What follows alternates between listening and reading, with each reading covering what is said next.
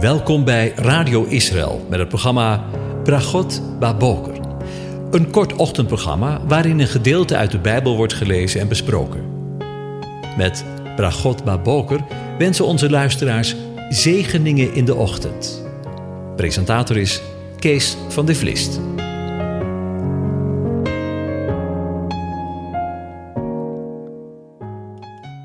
Goedemorgen, luisteraars. Vanmorgen denken we weer verder na over Psalm 119 en daarvan de versen 161 tot en met 168. Ik lees ze aan u voor. Vorsten hebben mij zonder reden vervolgd, maar voor uw woord heeft mijn hart diep ontzag gehad. Ik ben verblijd over uw belofte, als iemand die in grote buit vindt. Ik haat de leugen en ik heb er afschuw van, maar uw wet, die heb ik lief. Ik loof u zevenmaal op een dag, om uw rechtvaardige bepalingen. Wie uw wet liefhebben, hebben diepe, staat eigenlijk talrijke, vrede. Voor hen ligt er geen struikelblok. Ik hoop op uw heil, heren, en doe uw geboden. Mijn ziel neemt uw getuigenissen in acht, want ik heb ze zeer lief. Ik neem uw geboden en bevelen en getuigenissen in acht, want al mijn wegen liggen voor u open. Tot zover. Over vrede, shalom gesproken. We lazen in vers 165 zojuist: Wie uw wet liefhebben, hebben diepe of talrijke vrede. Voor hen ligt er geen struikelblok. We leven in een vluchtige tijd. We schrijven op Facebook hoe gezellig we het hebben en gaan vervolgens huilend naar de slaapkamer. Ik denk dat het belangrijk is dat we juist in deze tijd wat verse, frisse lucht van eerlijkheid krijgen. Niemand zei dat het makkelijk zou worden in ons leven. We doen of we het heel leuk en gezellig hebben. Maar van binnen stormt het vaak. Steeds meer jongeren raken burn-out en worstelen met depressies, geluk, heelheid, vrede. Wie snakt er eigenlijk niet naar? Ben je in Israël, dan begroet je iemand met shalom. Het grappige is dat je dan vaak een dubbel shalom terugkrijgt. Shalom, shalom. Ik heb een vrouw achter de toonbank eens gevraagd waarom. En mijn vermoeden bleek juist. Wat je de ander wenst, dat krijg je dubbel terug, antwoordde ze. Die gedachte gaat terug tot wat God tegen de geloofsvader Abraham zei. Ik zal zegenen wie jou zegenen. En het staat in Genesis 12, vers 3. Shalom is een rijk woord. In de kern betekent het welzijn, gezondheid, geluk en voorspoed die voortkomt uit goede verhoudingen.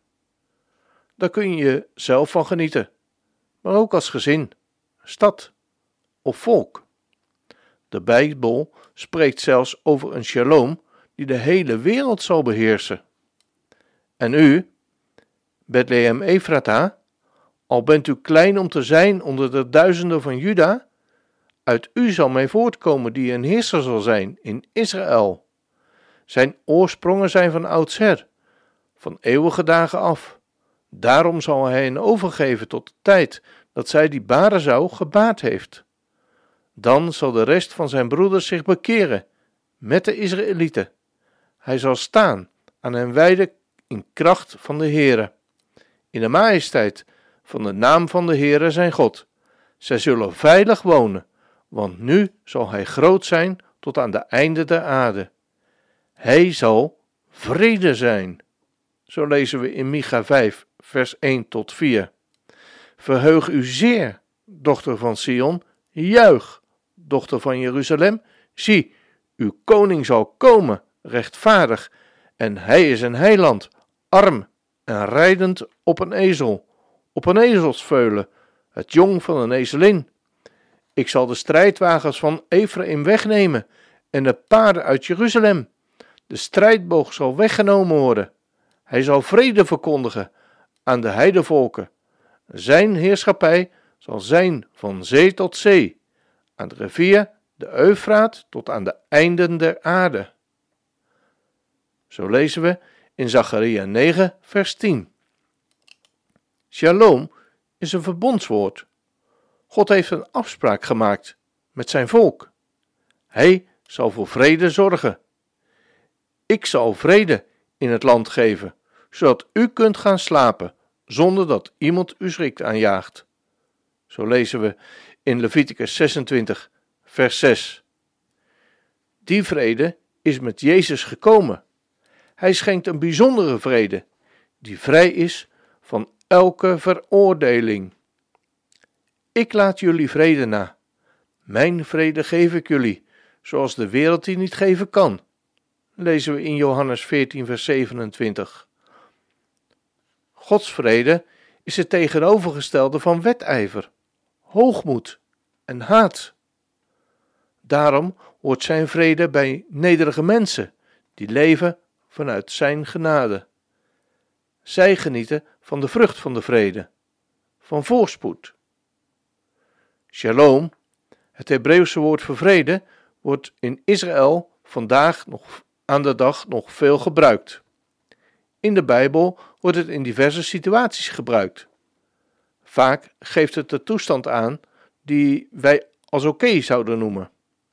Soms wordt het gebruikt in tegenstelling tot oorlog, en een andere keer weer om te vragen hoe het met iemand gaat. Bijvoorbeeld: Heeft uw vader vrede? Er zijn nog meer voorbeelden te noemen, maar sinds de komst van de Heer Jezus heeft dit woord alles met Hem te maken. De Heer Jezus is onze vrede, schrijft Paulus in een van zijn brieven, en alleen in Hem is er vrede te krijgen. Als we geloven dat de Heer Jezus ook voor ons gestorven is, dan hebben we vrede met God. Dat betekent niet dat er vrede is tussen twee gelijkwaardige partijen, maar dat is de vrede die God ons schenkt en die alleen in relatie met Hem staat. Hij heeft in onze plaats de straf gedragen en daarin mogen wij door het geloof delen. We zijn dan met Hem gestorven begraven en ook weer opgestaan. Als je die echte vrede hebt, dan is het ook vrede in tijden van nood. In Handelingen 39, vers 31 lezen we bijvoorbeeld dat de gemeente vrede had. En dat terwijl Stefanus pas gestenigd was. Gemeenteleden vervolgd werden en kort daarna Paulus met de dood bedreigd en notabene Jacobus vermoord werd. Vrede? Hoezo? Ja, in Christus. Dat betekent niet, zoals bij Stefanus, dat je dan ook een vredig leven hebt. Maar wel dat je vrede door de Heer Jezus hebt. Vrede is echter niet alleen iets van binnen, maar het heeft ook een uitwerking op de buitenkant. Als je uitgenade deelt in vrede, dan ben je ook een vredestichter. Je verkondigt die vrede, want je wilt dat ook anderen daarin delen, in die vrede. Je straalt dan uit dat de vrede in je hart realiteit is en dat het straks, als Jezus terugkomt, volmaakt vrede zal zijn. Je zoekt vrede, wat ook een vredevrucht is van de geest, met andere mensen. God is onze vrede, want Hij brengt Zijn kinderen samen in Zijn naam. Hij heeft de muur tussen Joden en heidenen afgebroken. Welke etniciteit, ras, kleur, lengte of zelfs christelijke denominatie of afkomst je ook hebt. Gelovigen zijn één in Hem. Vrede door het bloed van Christus. In het Nieuwe Testament komt heel duidelijk naar voren dat vrede een gave van Christus is. Van Hem wordt zelfs gezegd dat Hij onze vrede is. Want Hij is onze vrede, die beide één gemaakt heeft. En door de tussenmuur, die scheiding maakte, af te breken, heeft Hij de vijandschap in zijn vlees er niet gedaan.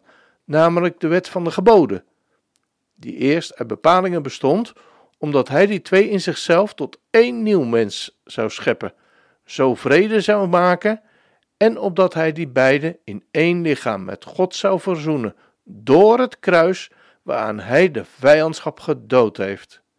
En bij zijn komst heeft hij door het evangelie vrede verkondigd aan u die veraf was, en aan jou die veraf was, en aan hen die dichtbij waren. Want door hem hebben wij beide door één geest de toegang tot de Vader. Ik wens u een van God gezegende dag toe.